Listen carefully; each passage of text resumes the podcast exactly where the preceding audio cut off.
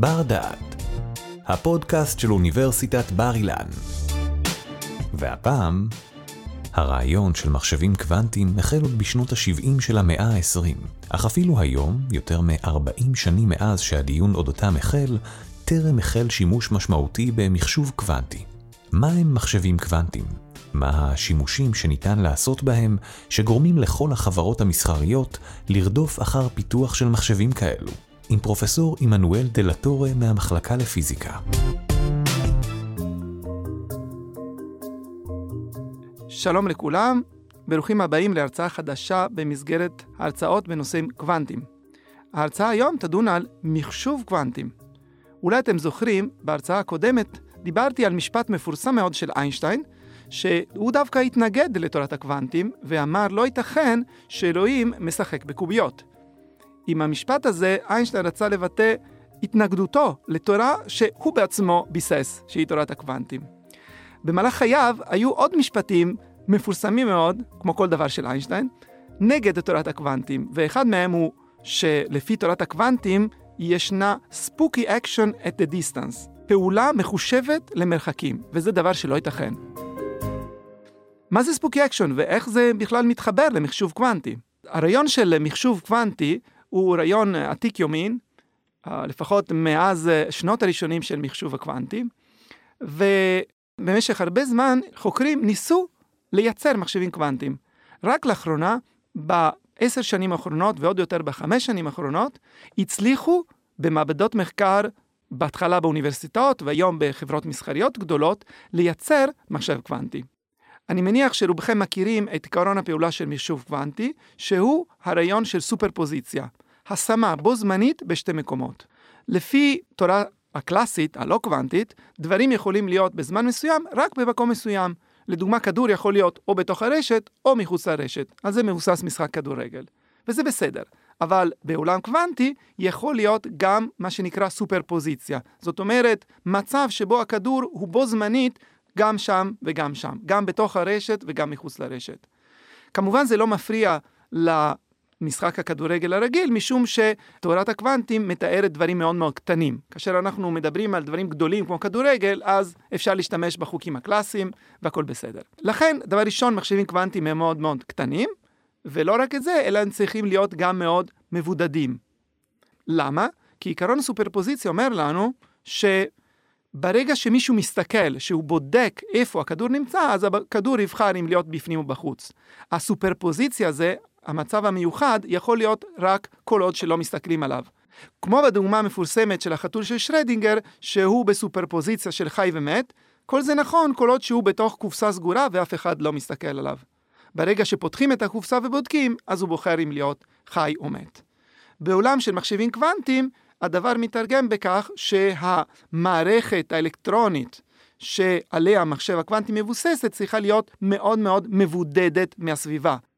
לדוגמה, במעבדות שחוקרים על מחשבים קוונטיים אסור להתכנס עם פלאפון, כי הפלאפון כידוע משדר סיגנל, והסיגנל יכול להפריע למחשב הקוונטי. כפי שציינתי, בשנים האחרונות ישנה השקעה מאוד משמעותית במישוב קוונטי, וזה בעיקר בא לידי ביטוי בכך שחברות מסחריות מהגדולות בעולם נכנסו לעולם הזה. המפורסמות שביניהן הם IBM, שהיא אחת מהראשונות שנכנסה לתחום, וגם גוגל, מייקרוסופט, אמזון, כמעט כל חברה מסחרית שמכבדת את עצמה פועלת בכיוונים האלו. הפוטנציאל של מחשב קוונטי גלום בתוכניות מסוימות שניתן להריץ רק על מחשב קוונטי, ותוכנות אלו יכולות לפתור בעיות חישוביות מאוד מאוד מאוד קשות, שאי אפשר לפתור על מחשב קלאסי רגיל. אחת מהבעיות המפורסמות היא פקטוריזציה של מספרים גדולים. כמו לדוגמה, אם אני אומר לך 21, אז אתה צריך למצוא את 7 ו-3, כך שהמכפלה ביניהם יהיה 21. זה קל עבור מספרים קטנים. עבור מספרים מאוד מאוד גדולים, הבעיה נהיית מאוד מאוד קשה. מחשב קוונטי, לעומת זאת, יוכל לפתור את הבעיה הזאת יחסית בקלות. למה זה חשוב לעשות פקטוריזציה של מספרים גדולים? משום שהרבה אלגוריתמים של הצפנה מבוססים על כך שקשה לעשות פקטוריזציה של מספרים גדולים. לכן, אם אני, עם המחשב הקוונטי שלי, מסוגל לעשות את זה, אז אני אוכל לפרוץ הרבה הצפנות. אלגוריתם זה ואלגוריתמים אחרים שאפשר להריץ רק על מחשב קוונטי, הם הסיבה למה חברות מסחריות משקיעות כל כך הרבה מאמץ כדי לפתח את המחשב הקוונטי, וכמו כן, גם חברות ביטחוניות וגם מדינות, האיחוד האירופי. במדינת ישראל ישנו תוכנית לבנות מחשב קוונטי ישראלי, והתוכנית הזאת היא כרגע אה, מחכה למימון. אז אני מקווה שהממשלה תאשר את המימון של בניית מחשב קוונטי ישראלי, כדי שלא נהיה אה, במצב שאנחנו תלויים במחשב קוונטי חיצוני. כבר הבנתם למה חשוב לבדוק האם המחשב הוא באמת מחשב קוונטי או סתם מחשב רגיל. בקבוצת המחקר שלי אנחנו חוקרים מחשבים קוונטיים בכך שאנחנו מתחברים למחשבים קוונטיים שיושבים בארצות הברית דרך האינטרנט, מתכנתים את המחשבים הקוונטיים ומנתחים את התוצאות. עכשיו שאלה מרכזית היא, איך אתה יודע שאתה בעצם רץ על מחשב קוונטי ולא סתם על איזשהו אה, מחשב קלאסי רגיל? לשם כך, אנחנו מימשנו איזושהי תוכנית שהמטרה שלה זה לבדוק האם המחשב שאנחנו משתמשים בו הולך לפי החוקים של מכניקת הקוונטים או לפי חוקים אחרים, הרגילים. עיקרון הפעולה של התוכנית שאנחנו יישמנו הוא action at a distance שהזכרתי מקודם. זאת אומרת, היכולת של מערכות קוונטיות להשפיע אחת על השנייה כאשר הם נמצאים במרחק. אולי לחלק מהמאזינים מה שאמרתי יוכל להתחבר לרעיון של אפקט הפרפר, שכידוע אומר שכאשר פרפר עף בשמיים במקום מסוים בעולם, הוא יכול לגרום לסערה במקום אחר.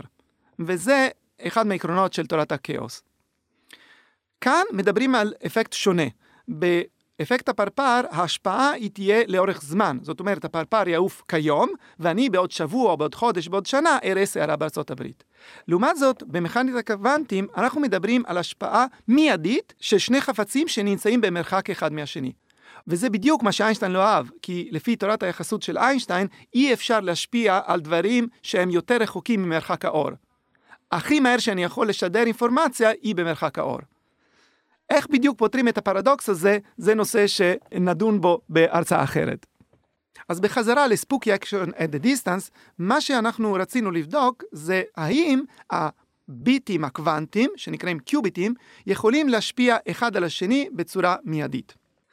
במסגרת המחקר בנינו קוד שבודק את ההשפעה ההדדית בין הקיוביטים. אילו היה מדובר במשאב קלאסי, שבו אין השפעה מיידית בין ביט לביט, האלגוריתם שלנו היה נותן כתוצאה מספר שהוא תמיד נמוך מ-7 שמיניות, 87.5%. לעומת זאת, מחשב קוונטי מסוגל לעבור את הרף ולתת 100%. כאשר בודקים את התוכנה, ישנם שתי אפשרויות, או שאתה מקבל ערך שהוא מעל הסף, ואז אתה בוודאות יודע שזה מחשב קוונטי, או שאתה מקבל ערך מתחתיו. במקרה כזה יכול להיות שזה מחשב קלאסי, או יכול להיות שזה מחשב קוונטי לא משהו. מחשב קוונטי רועש, כך הוא נקרא בג'רגון. ביחד עם הסטודנטים דניאל ומירון, כתבנו את התוכנית, שידרנו אותה דרך האינטרנט למחשב קוונטי שנמצא בארצות הברית, וחיכינו את תוצאות. לצערנו, כאשר בדקנו את הפלט של המחשב, ראינו שהתוצאה הייתה רק 67 הרבה מתחת לסף. אז יצרנו קשר עם חברות נוספות, וניסינו את התוכנה הזאת גם על מחשבים נוספים, התוצאות היו תמיד מתחת ל-87.5%. טוב, אמנם פעם אחת זה יצא מעל לרף, אבל כאשר חזרנו על זה כמה פעמים, בממוצע זה היה מתחת. אז uh, זה לא מספיק טוב. הניסוי הזה מראה שהמשאבים הקוונטיים העכשוויים אינם מסוגלים לבצע את התוכנית שלנו בדיוק טוב מספיק כדי להוכיח את הקיום של spooky action at the distance, את הקיום של השפעה לא לוקאלית בין הקיוביטים. אמנם התוכנה שלנו באה רק כדי להדגים איזשהו עיקרון פיזיקלי, אבל העובדה שהמשאב קוונטי לא מסוגל להריץ את התוכנה שלנו, מרמז על כך שהיא לא תהיה מסוגלת גם כן להפעיל תוכניות יותר מסובכות. ולכן יש חשיבות מסחרית להוכיח שהתוכנית שלנו פועלת. אחרי שפרסמנו את המאמר שלנו, קיבלנו פנייה מאחד מהחברות האלו, הניוול, חברה ביטחונית מאוד גדולה בארצות הברית, שבונה מחשבים קוונטיים, והם אמרו, התוכנית שלכם מעניינת, ואנחנו רוצים להריץ אותה על המחשבים הקוונטיים שלנו, אם אתם מסכימים, כמובן נסכמנו.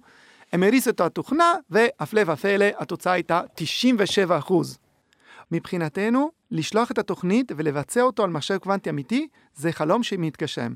אנחנו מסוגלים לעשות ניסוי בתורת הקוונטים בנוחיות מהבית, דרך האינטרנט. אז המחשב הקוונטי של הניוול הצליח לבצע את המשימה שלנו. האם זה אומר שמחשבים קוונטיים מוכנים וכדאי לרכוש אחד כזה כי הוא יעזור לך לפתור בעיות מעניינות וחשובות? התשובה היא לא, כי המשימה שאנחנו נתנו במחשב הקוונטי הייתה משימה שהיא יחסית קלה, משימה שדרשה אך ורק שישה קוונטום ביטס, שישה קיוביטים. כדי לעשות פעולות מעניינות, כמו שהזכרתי, פקטוריזציה של מספרים גדולים, נדרש מחשב עם מאות, אלפים או אפילו מיליונים של קיוביטים.